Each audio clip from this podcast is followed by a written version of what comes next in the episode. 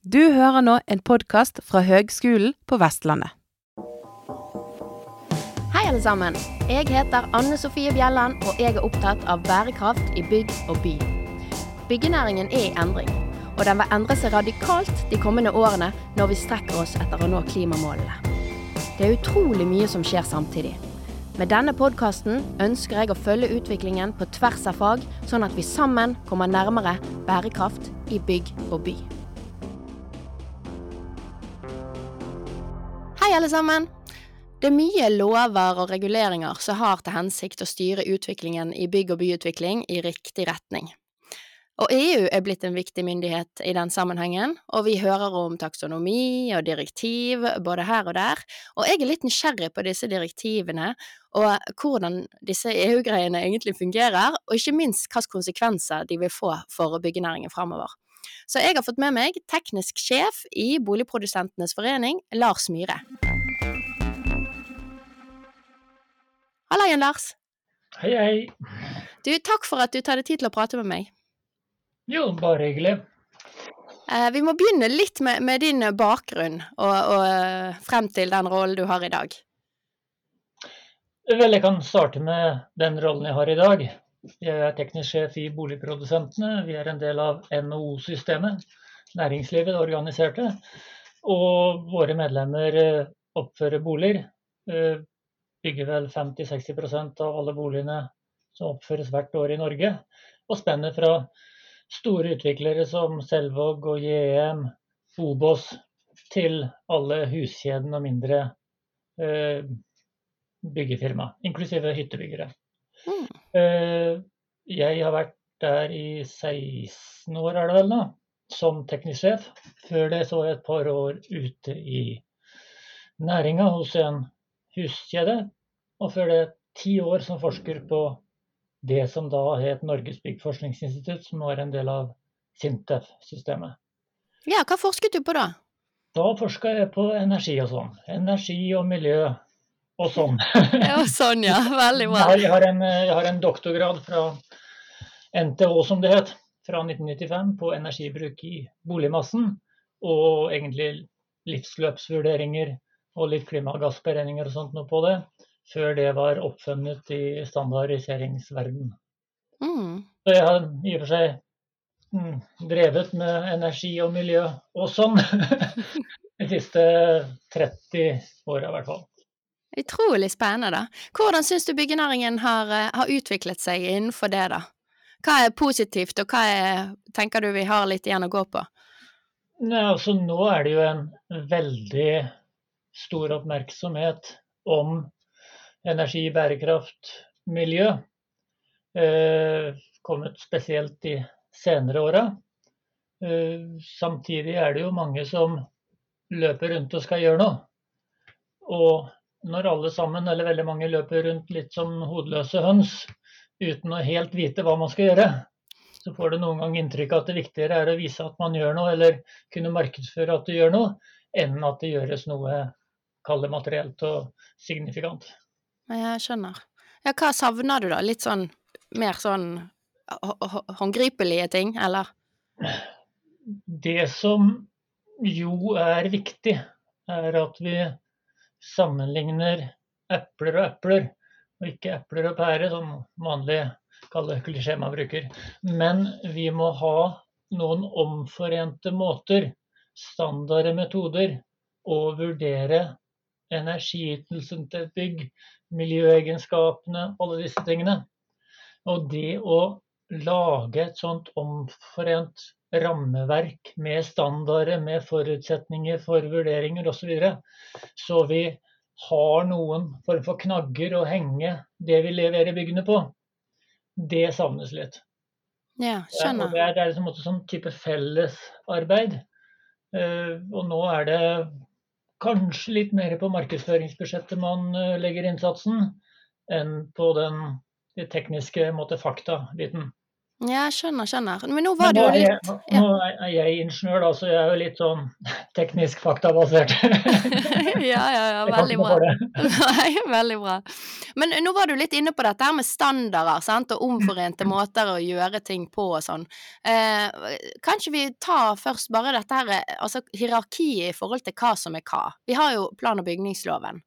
Ja. Eh, eh, og den har overordnede føringer som på en måte konkretiseres i teknisk forskrift. Ja.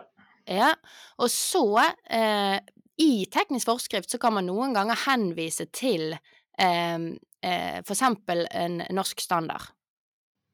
Riktig. Ja, eller, eller også andre på en måte aksepterte måter å gjøre det på, sant? Andre normer, for eksempel. Eller sånn I prinsippet så gir teknisk forskrift funksjonskrav. Det er en funksjonsbasert forskrift. Mm. Med det menes at den sier ikke hvordan du skal gjøre ting, men det du gjør skal være tilfredsstillende. Mm. Det skal være godt nok. Ja. På enkelte områder stiller forskriften såkalte ytelseskrav. Da er det mer spesifisert hva du skal levere på. Ja. Og den har f.eks. ytelseskrav på hvor bred åpningen på en dør i en bolig skal være. Det er gitt som et ytelseskrav i forskriften. Og hvis ikke du følger det kravet på centimeteren, er innafor det, så må du ha dispensasjon eller bygge om. Ja. Så noen kaller spesifikke krav er gitt i direkte i teknisk forskrift, og de må du følge. Så er det noe som er gitt som såkalte preaksepterte ytelser i veiledningen til forskriften. Mhm. Dette er en sånn måte, forhåndsgodkjent ytelse eller løsning. Og hvis du følger det, så er det fast tracket for å komme i, i mål. Alternativt så må du gjøre en analyse hvor du viser at det du prosjekterer og velger, er minst like godt som den preaksepterte ytelsen i veiledningen, og tilfredsstiller det overordna funksjonskravet. Men da må du kjøre en analyse som er mer formelt, og må du skrive ned og dokumentere. Så de, de preaksepterte ytelsene i veiledningen fungerer som en form for forskriftskrav, men er det formelt ikke. Nei, skjønner. Og de preaksepterte ytelsene, de er ofte beskrevet i en enten norsk standard Nei, de er, Eller- de er gitt i veiledningen. Og de er gitt i direkte i veiledningen. De, de ligger på Direktoratet for byggkvalitet sine hjemmesider. Okay. Dette er et system som fungerer egentlig veldig greit. Og så er det på noen uh, forskriftskrav hvor vi sier at det skal være tilfredsstillende, og sånt noe, så er det ikke utdypet hva som er godt nok. Så vi har ikke noen sånne preaksepterte ytelser. Og da må man eventuelt bruke andre kilder. Ja, og det er da vi rykker ned på norsk standard? Da rykker vi gjerne litt lenger ned, Ja. eller at de preaksepterte ytelsene ligger på et litt høyere nivå, mens eh, f.eks. Sintef Byggforsk-serien angir det de kaller forhåndsdokumenterte løsninger. Mhm. Hvor det er et hjelpeverktøy du kan bruke, men det er ikke noe krav om at du skal følge det. Og det Nei. som står i Sintef Byggforsk-serien er ikke noe forskriftskrav, men måtte anerkjennes som forhåndsdokumenterte løsninger av god kvalitet. Ja. Så vi har sånn et måte, hierarki, så det eneste du skal følge, er det som står i lov eller i forskriften. Mens preaksepterte ytelser i veiledningen til forskriften kan du fravike, men da må du gjøre en analyse. Og alt som står i Byggforsk-serien eller i bransjenormer og andre ting, er å forstå som noe som måtte er Om ikke forhåndsgodkjent, så er det forhåndsdokumentert. Ja. Og du slipper i ditt prosjekt å måtte drive og analysere og dokumentere deg fram og tilbake altfor mye. Og hvor plasserer du norsk standard innenfor disse her, da? Standard er eh, en form for referanse. At du har Eh, gjort det i henhold til, på en måte? Ja, og forskriften, både forskrift og veiledning til forskrift, har henvisninger til norske standarder. Eh, Da er det mer på gjerne metode, noen Mm. ganger på nivå gitt i standarden. Du har ett eksempel på lydstandarden NS 8175. mm. som angir lydklasser for bygg. Hvor forskriften sier at tilfredsstillende lydforhold kan tilfredsstilles ved å følge denne standarden. Mm. Og det er når, Der bruker forskriften begrepet 'kan'. Det vil si at du er ikke nødt, men det er den som måtte legge lista på hva som er godt nok. Så den Ja. fungerer på sett og vis som et forskriftskrav. Skjønner. Ja. Samtidig så er det litt sak her at alle forskrifter, nei, unnskyld, alle standarder i forskriften er årstallsreferert. Mm.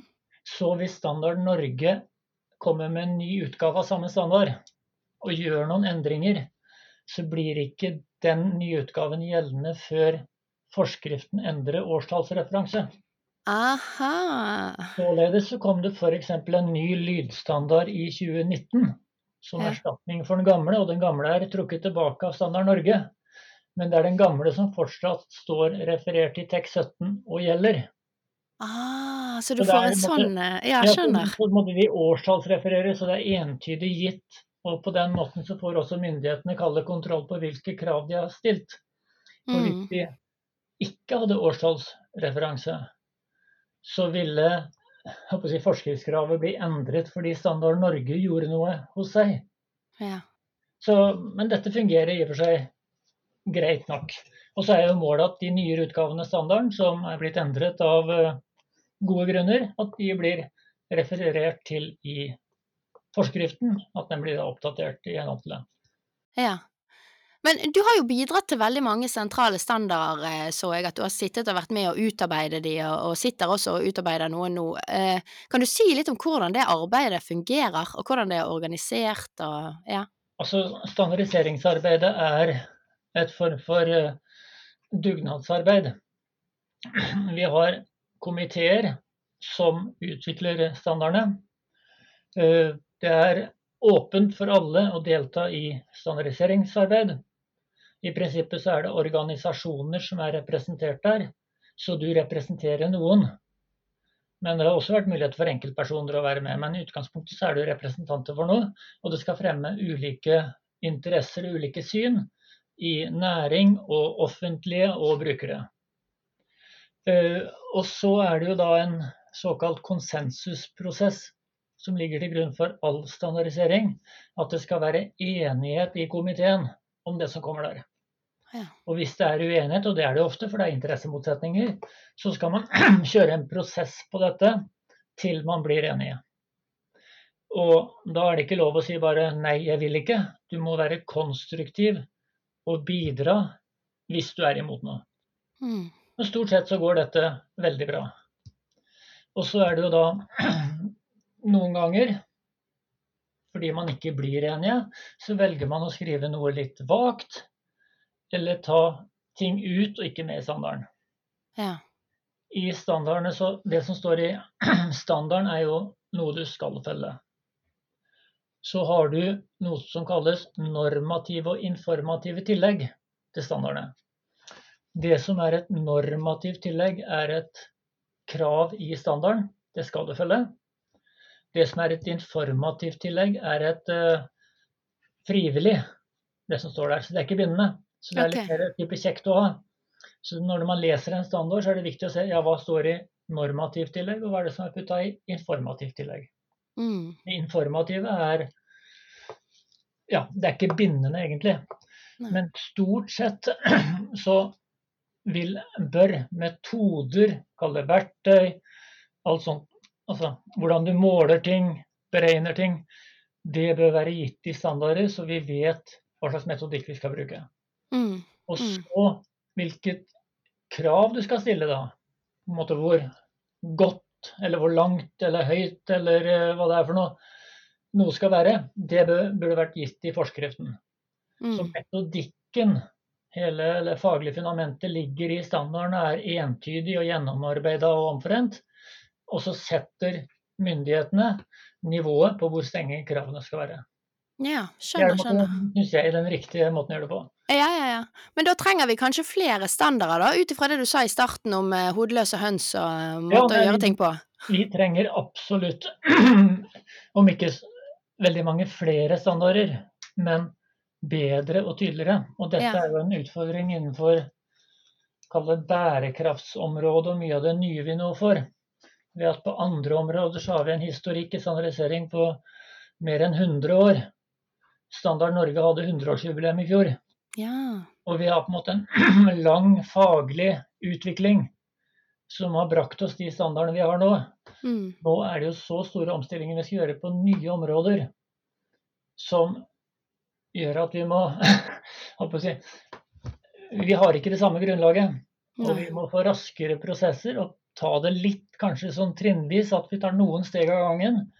Og ikke er eh, helt Ikke tenke nirvana og det absolutt beste, men, Mm. men har det vi kan. Og der foregår det nå ting innenfor f.eks. klimagassberegninger, hvor det kom en standard i 2018 Mm. som var en på NS som var en metodestandard. Men hvor vi, når vi bruker denne metoden, så må vi ha noen kalle forutsetninger for de inndataene vi bruker Mm. Når vi beregner klimagassutslipp. Hvor lang skal beregningsperioden være? Hva gjør vi når vi skifter ut komponenter? Hvordan skal det beregnes? Hvis vi bruker ombruksmateriale, hvordan skal det beregnes? Vi, vi trenger noen sånne på måte, kjøreregler for det Mm. hvor den standarden som kom i 2018 var vag, og du kan da få to klimagassregnskap til å bli litt forskjellig, avhengig av hva slags forutsetninger du gjør. Så nå er det et arbeid med å innskrenke eller spesifisere hvilke valg du kan gjøre. Noen valg må du absolutt være sånn prosjektbasert på, men noen sånne felles føringer på hvordan klimagassberegning skal gjøres, så utslippsregnskapene blir mer sam- sammenlignbare. Fantastisk bra. et eksempel, men, men også hele tida vil det være sånn at du førsteutgaven av en standard fanger opp mye, og så vil man etter hvert på en måte raffinere eller eh, forbedre de, så de blir bedre tilpassa bruken. Ja, ja, ja. Kjempebra. Men du, da har jeg et spørsmål om en, om en spesiell eh, standard, og det er den tidligere, jeg vet ikke om han heter jo ikke det ennå, men eller fortsatt, NS 3031, som sa noe om metode for å regne eh, energi uff, Jeg husker ikke tittelen, men energiytelsene til et bygg, eller noe i den duren. Ja. Em, hva er ståa der, egentlig? Kan ikke du fortelle historien om den? Den kom i egentlig veldig lenge siden. Eh, I 2007 så ble den revidert. eh, Og videre noen endringer til siste versjon som kom i 2014. Eh, Den versjonen er trukket tilbake av Standard Norge. Og nå skal jeg ta et lite sidespor. Fordi Standard Norge er en del av europeisk standardisering. Den europeiske standardiseringsorganisasjonen CEN, CEN, utgir felles europeiske standarder. Og Standard Norge må utgi alle europeiske standarder som norske europeiske standarder. De europeiske standardene kalles EN-standarder, og et nummer stort sett fem bokstaver. I Norge blir det NS-EN, samme fem bokstavene. Og Norge kan ikke ha en nasjonal standard som er i konflikt med de europeiske standardene. Så innenfor EU så skal alle landene ha de samme standardene, og bakgrunnen for dette er at EU ønsker felles beregningsmetodikk, fri flyt av varer og tjenester, da må vi gjøre ting på samme måte. Eh, Vi har også internasjonale standarder, ISO-standarder, som gjelder for hele verden. De er i utgangspunktet frivillige å bruke. Og det er frivillig for eh, Norge å publisere de eller ikke. Men ofte forsøker Europa, EU, eller ikke EU, det er Europa, det er ikke altså, Senstandarden er ikke bare EU, det er Europa. Europa og resten av verden å samarbeide og ut til disse som felles EN ISO-standarder. Mm. Og en felles EN ISO-standard er også en EN-standard, så da blir det en NS EN ISO-standard. Så det er en sånn bokstavkjeks foran på noen standarder som gjør det litt eh, måtte uoversiktlig.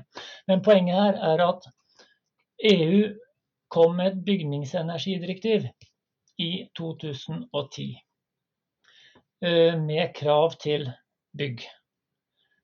Som en del av det arbeidet og innføringen av det direktivet, så ga EU i oppdrag til den europeiske standardiseringa å utvikle en pakke med energiberegningsstandarder som skulle brukes opp mot kravene i direktivet. Disse standardene kom i 2017 og er en stor pakke med til sammen 50 standarder som beskriver alt du trenger for å beregne energiytelsen til et bygg. Den gamle NS 3031 som vi hadde, versjonen fra 2014, var ikke tilpassa denne pakka med nye standarder. Det var ikke måte, formelt vist samsvar. Så da måtte Og den gamle 3031 hadde noe beregningsmetodikk som stred med metodikken gitt i de nye europeiske standardene. Så da måtte Norge trekke den standarden tilbake, 3031. Det ble gjort i 2017.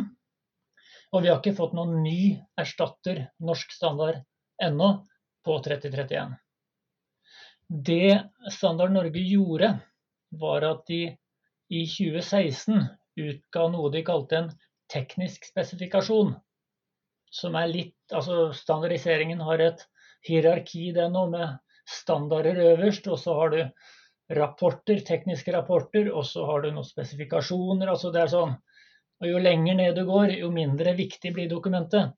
Så det Standard Norge gjorde, var at de publiserte en teknisk spesifikasjon 3031 som fortsatt ikke var i samsvar med europeiske standardene.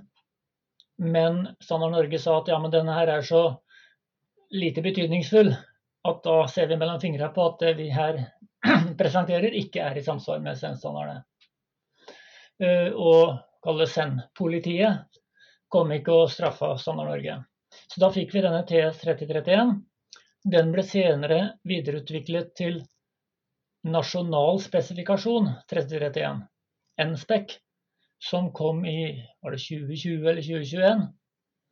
Og som ble gjort noen endringer på. Nå kom en ny utgave nå. Så det vi har, er en nasjonal spesifikasjon 3031 som formelt ikke er i samsvar med de europeiske standardene, og som ikke er inntatt i teknisk forskrift. For forskriften henviser fortsatt til 2014-utgaven av NS 3031. Ja, så det er den vi bruker i Norge enda, da? Den bruker si sånn. vi opp mot forskriftskrav i TEK og opp ja. mot energimerkeordningen. Ja. Selv om den er trukket tilbake fra Standard Norge, så er den et gyldig dokument for det. Mm, mm. Men beregningsmetodikken i den nye NSPEC 3031 er forskjellig. Ja. Og det er også litt andre på en måte forutsetninger for beregningene. Hvilke normerte Inndata skal du bruke, temperaturer, brukstider, slike ting. Litt forskjell. Okay. Nå pågår det et arbeid med å tilpasse denne NSPEC 3031 til de europeiske standardene. For å kunne publisere en norsk standard, ny utgave 3031, som samsvarer med de europeiske standardene, og samtidig måtte svare på det som er behovet i Norge og den beregningstradisjonen vi har. Og den kommer tidligst i 2025. Det har gått litt tregt eh, i Standard Norge med dette. Det har vært korona og mye annet som gjorde at eh, ting ikke gikk så fort en periode. Men det er et arbeid på gang der. Men når vi tenker på alt vi skal gjøre fram mot 2030 og det som er, så er det noe med tida flyr mm. på ting som skulle vært gjort veldig raskt. For vi trenger et bedre beregningsgrunnlag, eller beregningsmetodikk på energibrukerbygg mm. Enn det vi har i dag. Mm. Ok, men da, nå, har tatt, nå, har vi tatt liksom dette her eh, nasjonale hierarkiet, og ja. så har vi nå bare begynt å skrape litt ut i eh, internasjonale her, med ISO-standarder som er global, og eh, europastandarder som er håper å si, europeiske også utover EU. Men så, hvis vi skal liksom ta neste steg, liksom de som regulerer, da, mm. så kommer vi opp til EU. Og du mm. har jo allerede nevnt dette her eh, eh, direktivet som kom i 2010. Men kan ikke du først bare si altså, hva er et direktiv, da? Uh, nå er jeg bare ingeniør, ikke jurist, men direktiv er en form for er Er en blanding av litt under en lov, som det er en form for forskrift, på en måte. Mm. men i tillegg til direktiver så har også EU forordninger. Eh, forordninger er noe som, hvis jeg vet, det er EU-kommisjonen som gir disse.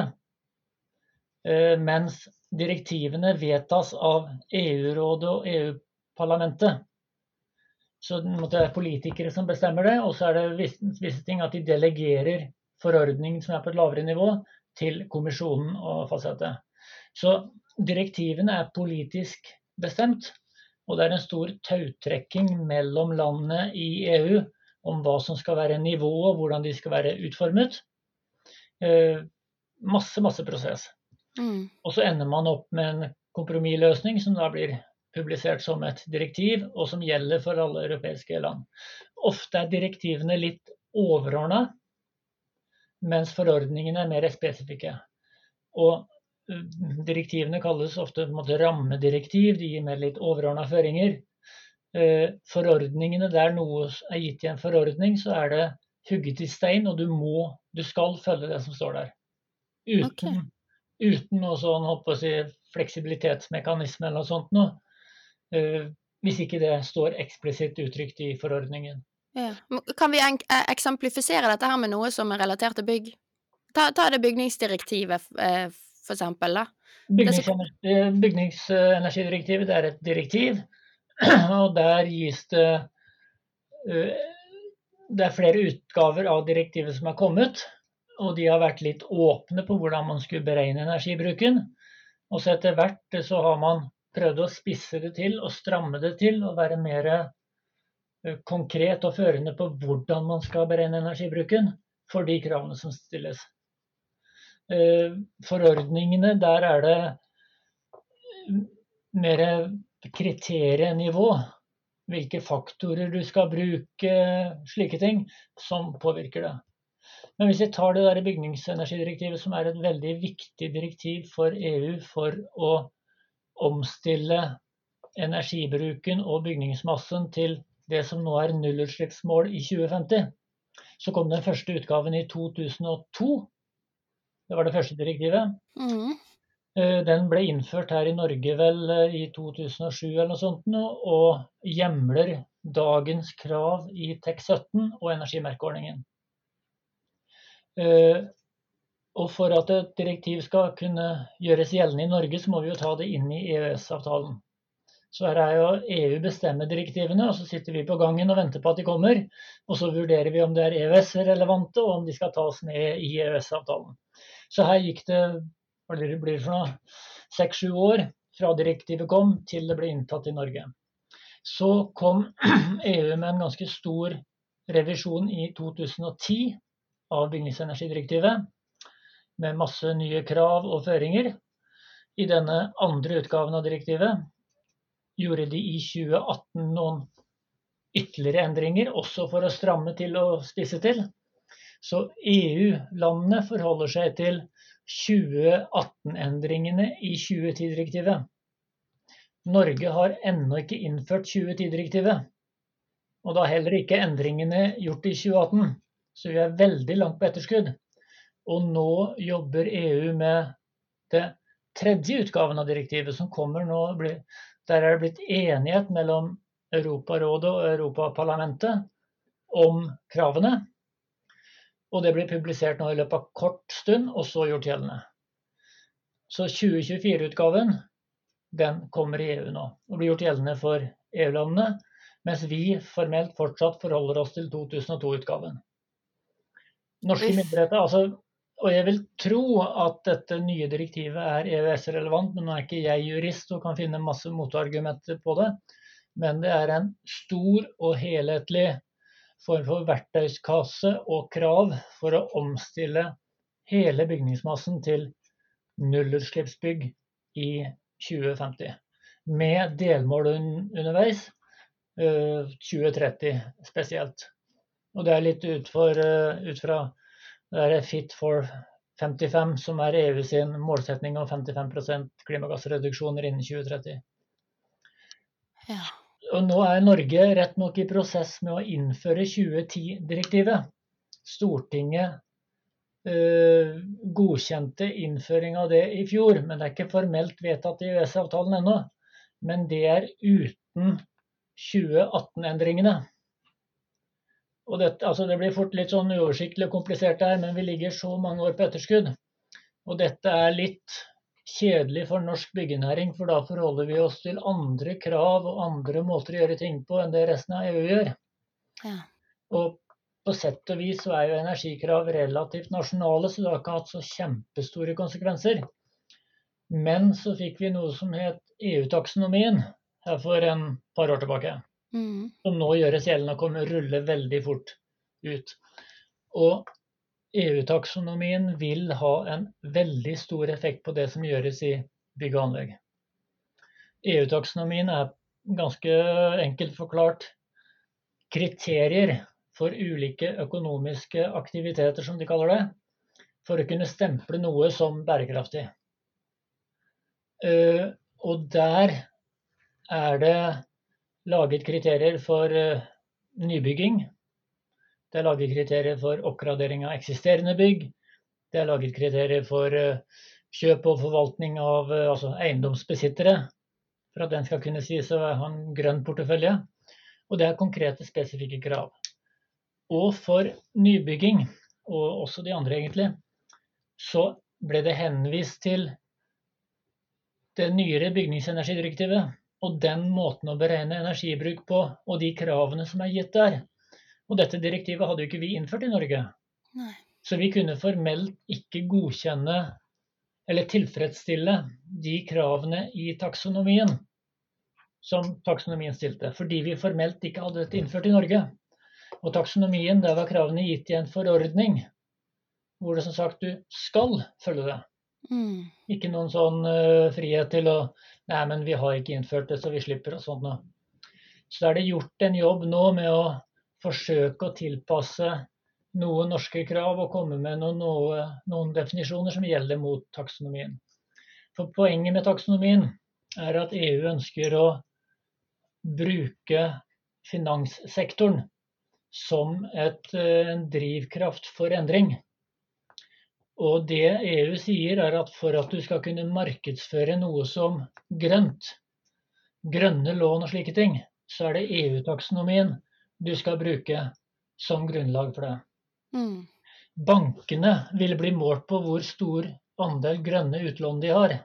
Mm. Fordi pengene som banker låner ut, låner de jo inn fra noen for å låne videre. De sitter ikke med hele pengesekken sjøl. Og alle som låner penger til banker, for at bankene skal, altså store investorer som låner ut til banker, for at bankene skal låne videre til forbrukere, de har da ifølge taksonomien krav på å vite hvor stor andel av banken er grønn av omsetningen. Og da vil bankene rapportere på andel av omsetning som er grønn etter taksonomien, delt på total omsetning. Så dette Mm. blir veldig styrende. Og når bank og finans begynner å rote i bærekraftsområdet, da, da skjer det noe i litt større grad. Ja. Og så er, det- ja. ja, og så er det bare en måte, utfordringen at disse taksonomikriteriene er så spesifikke og så detaljerte at mange i bank og finans faller litt av. Ja. Ja, mange andre også for den saks skyld, også, men det er på et veldig detaljert nivå og veldig spesifikt, men veldig kraftfullt når øh, måten det virker. Ja. Men der, der er jo på en måte nå eh, Altså en av de tingene som, de, eh, som bankene blir opptatt av Ja. nå, eh, det er jo på en måte energimerket som en slags indikator. Er inntrykket mitt, da. Men kan ikke du si noe om eh, hele den energimerkeordningen, for den er vel òg liksom oppe i luften og skal revideres Jo, den den i høyeste grad. Den, er jo, den har ligget på en sotteseng nå i ganske mange år. Uh, Den ble jo innført da i 2009 eller når det var, med bakgrunn i det opp, første utgaven av bygningsenergidirektivet, og er ikke blitt oppdatert videre. Og det vi har i norsk energimerkeordning nå, energisertifikatsordningen som det heter, samsvarer ikke med kravene i direktivet i måten vi beregner energibruken, hvordan vi vurderer den, eller hvilken kilowattime-begrep vi bruker. Eh, energimerkeordningen er bas er basert på levert energi, som det heter. mm, Eh, direktivet er ganske tydelig på at man skal bruke primærenergi. Hva, hva, Kan du si hva det betyr? Primærenergi, det er et form for vektet energibruk.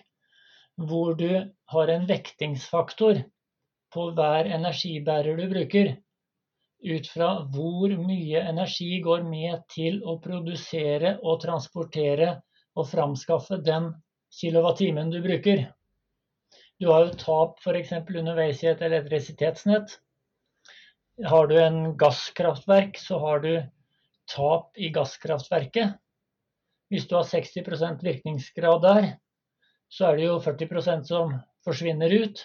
Så da blir eh, primærenergifaktoren vesentlig høyere enn den ene kilowattimen du faktisk kjøper av strøm, f.eks.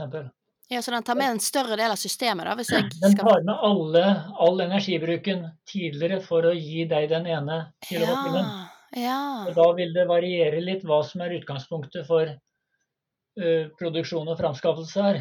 Men Ja. da må man, det er et sånn totalt ressurskonsept, ressursvurdering på det her. Hvor de ser hvor mye energiressurser bruker vi faktisk på å gi deg den ene energiressursen du bruker. ja. Så det er en en, fornuft i det, men det blir fort litt komplisert. ja. Og dette har ikke vi helt villet ta i her i Norge. Og vi har diskusjon om jeg, vannbåren varme og elektrisk oppvarming og hvor, hva er faktoren for strøm og ikke strøm. Mm. Men dette er noe som direktivet er veldig tydelig på at man skal presentere som. Og som hele hensikten med ø, bygningsenergidirektivet er at du skal bruke Det ikke hele hensikten, men i energidirektivet, bygningsenergidirektivet så er energimerkeordningen det viktige stempelet på bygg til å formidle energiytelsen til bygg. Og energimerket skal samsvare med beregningsmetodikk og nivåer i forskrifter. Så måtte byggeforskrifter og energimerket skal snakke samme språk. Og i taksonomien så er det energimerket du skal bruke til å stemple bygg på at miljømålet energi er oppfylt for dette bygget. Mm. Så energimerket er en veldig sentral sak der. Så vi er nødt til å endre dagens eh, energisertifikat i Norge, energimerkeordningen, så den samsvarer med det som kommer, eller det som er i direktivet. Og vi må også få samsvar mellom tech og energimerket, noe det ikke er i dag. ja. Så altså, energimerket i dag eh, tillater meg å si at det er tilnærma ubrukelig blitt etter hvert. Og det er høy grad at det må revideres. ja. ja. Det som kanskje er en utfordring, er at uh, Tekken er uh, Kommunal- og distriktsdepartementet. Og energimerket er det OE, Energi. Uh, ja departementet som har ansvar, heter vel Energidepartementet som har ansvar for. Mm. Og ulike departementer som har ansvar for noe som burde vært mer samkjørt. Det er ikke alltid like lett. Mm. Jeg håper at det skjer noe, men det, energimerket må endres Ja. for at det skal kunne bli uh, brukbart. Herligheter. Vi har en ganske stor utfordring. Altså, det er ganske mye greier som skal harmoniseres, og Det er- egentlig så burde vi jo hoppe et par ledd i forhold til det der harmoniseringen av den der eh, 2010-direktivet. Vi burde jo hoppe rett på det nye. Vi skulle egentlig hoppa rett på det nye og sett hva som kommer der og tilpasse. Ja, det er en stor harmoniseringsjobb, men samtidig skal man ikke å si, si at den er uoverkommelig stor. Og hvis du tenker på det som er den omstillingen vi skal gjennom nå, på klimaområdet, på energiområdet, så er det i mitt hode peanuts, den harmoniseringsjobben som må gjøres her kontra den store jobben som skal gjøres ute i, ut i næringen og hos alle forbrukere og andre med den omstillingen, hvis vi faktisk mener at det skal komme en sånn omstilling. Mm. Men det har vært en form for vegring, og et, eh, at man ikke har, i hvert fall sånn som jeg oppfatter det, man har ikke sett, sett framover og sett hva som kommer, forsøkt å se hva som kommer rundt svingen, og tilpasse oss det som kommer. Vi har sett mer i bakspeilet Mm. og blitt stående litt da på sidelinja. Ja, så Jeg, hører jeg jeg, sier litt jeg sier ikke at alt er veldig, veldig mye bedre i alle andre europeiske land. Men de har nå i hvert fall gjort den formelle innføringen og er på det fordi det er påkrevd som, som EU-land. Men nå, nå, nå kommer det til oss også. Mm. Ja, fordi at eh, Eller eh, jeg har litt inntrykk av at det er noen holdninger til i hvert fall noen av disse direktivene. Det er jo mange direktiv utover denne her eh, bygningsenergidirektivet. Men, men eh, litt av holdningen i, i, eh, der ute er at liksom eh, vi trenger ikke det. Og, og så har du òg det der at vi er i EØS som på en måte gir en eller annen form for sånn slingringsmonn og forhandlingsmulighet til at man kan ta inn bare deler, eller man kan justere det til altså det, I de fleste direktiv er det vel litt sånn mulighet for å rigge det til nasjonale forhold. Jo, nettopp det er den der kalde fleksibiliteten som ligger i de rammedirektivene. Mm. Ja, helt klart. Og det er, det er de som snakker om en tsunami av eh, direktiver og forordninger fra EU. Og det er vel få som har oversikt over det her og greier å sette seg inn i det. Det er veldig, veldig mye. Mm. Samtidig så er det jo nyttig å være med på dette og se nytteverdien av å implementere noe og ta i bruk noe som så mange land er gått med å, å utvikle, mm. istedenfor å finne opp ting sjøl. Så altså, alternativet er at hvert land, eller for den saks skyld Norge alene, lager sine egne forskrifter eller direktiver som istedenfor de europeiske. Men det mm. regelverket som kommer fra EU, ja, er ikke sikkert alt vi er 100% enige, og ikke alt som er 100% tilpassa norsk kontekst. Men i det store og det hele så vil jeg tro at dette her er veldig mye bedre enn det vi hadde greid å utvikle på egen hånd. Det tror jeg òg. Og mindre ressurskrevende. Så istedenfor å skulle utvikle noe på egen hånd og ja, så, så, bør vi satse på å innføre de her med de fleksibilitetsrommet og de mulighetene som ligger i direktivene. Og det er gode muligheter for å få en god nasjonal tilpasning av f.eks. bygningsenergidirektivet, sånn som jeg leser og tolker det, eh, tilpassa vår situasjon her i Norge. Mm. Men jeg tror det er litt for tungt tilgjengelig for veldig mange. Det er for komplisert, så folk skjønner ikke helt. Og når du ikke skjønner, så får du en form for vegring, og du vet ikke hvordan du skal håndtere det. Mm. Så, altså, det er ja. Hva må skje da, syns du? Altså Hvis du er sjefen, hva må skje?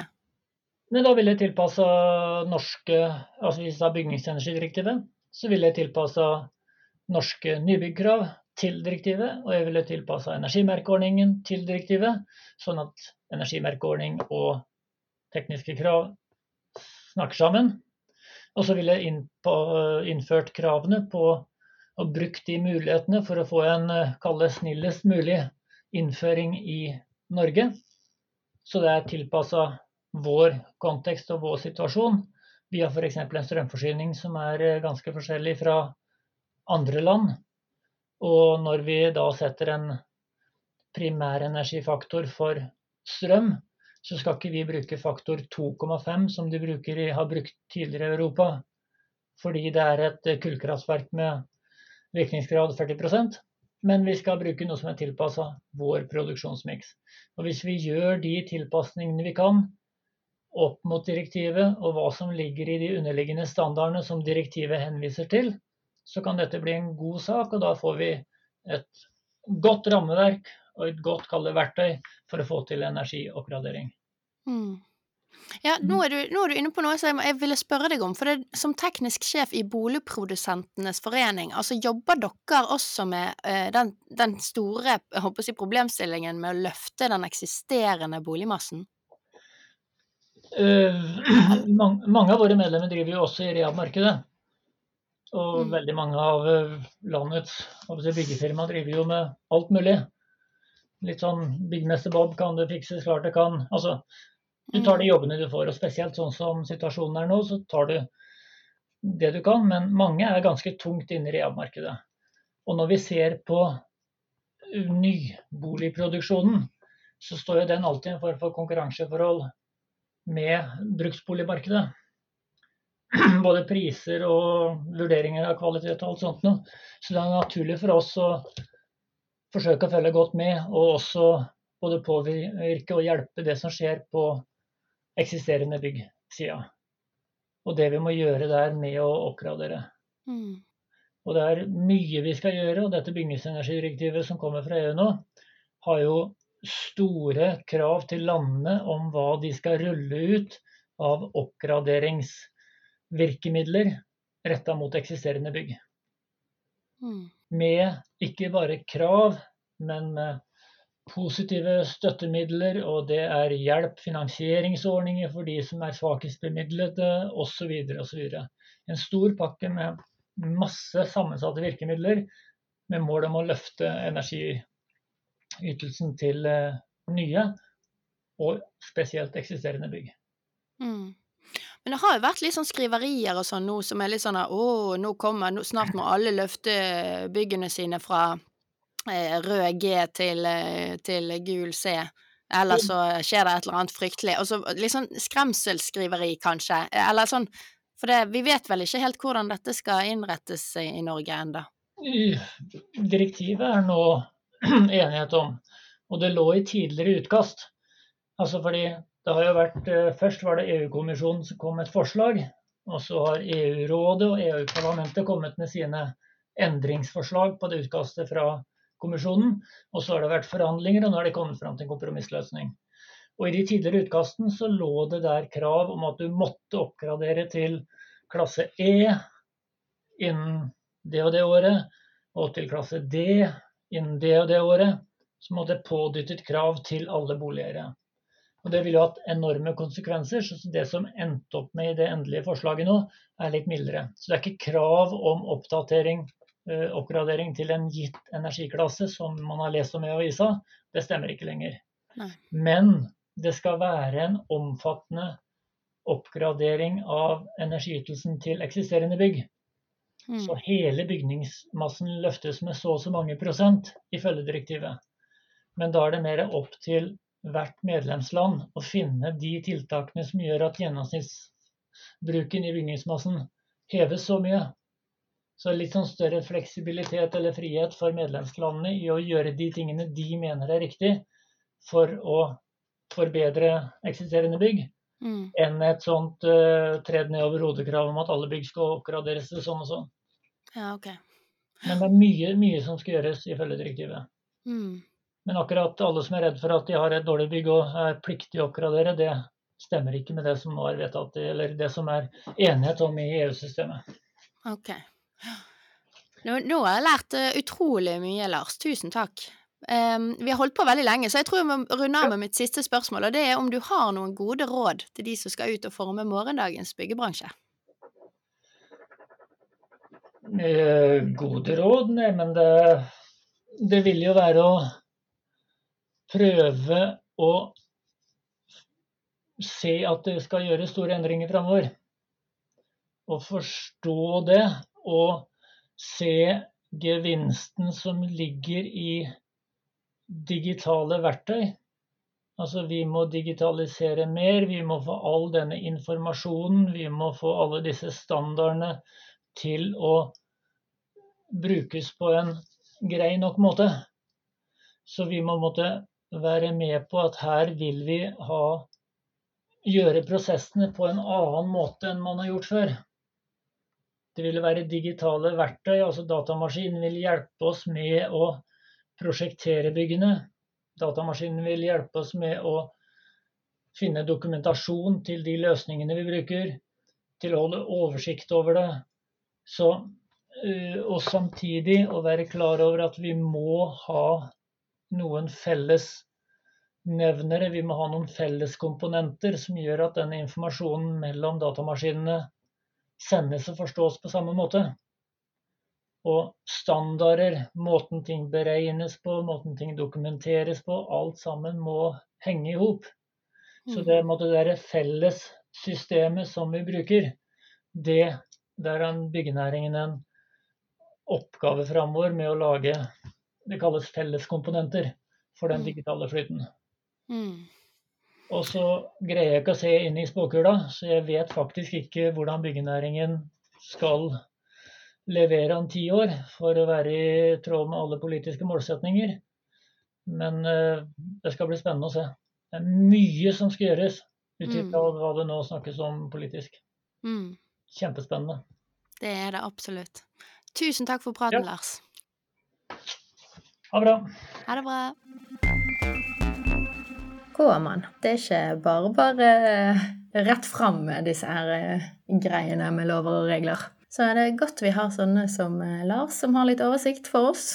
Jeg lærte i hvert fall veldig mye av denne praten. Og så tror jeg det er ganske viktig det han sier òg om, om, at vi bør nok harmonisere eh, vårt regelverk opp mot EU. For eh, de har fått litt moment nå i måten de jobber med energieffektivisering, som jeg tror at Norge kan nyte veldig godt av hvis vi kan implementere det. Vi får følge med, folkens. Ha det godt!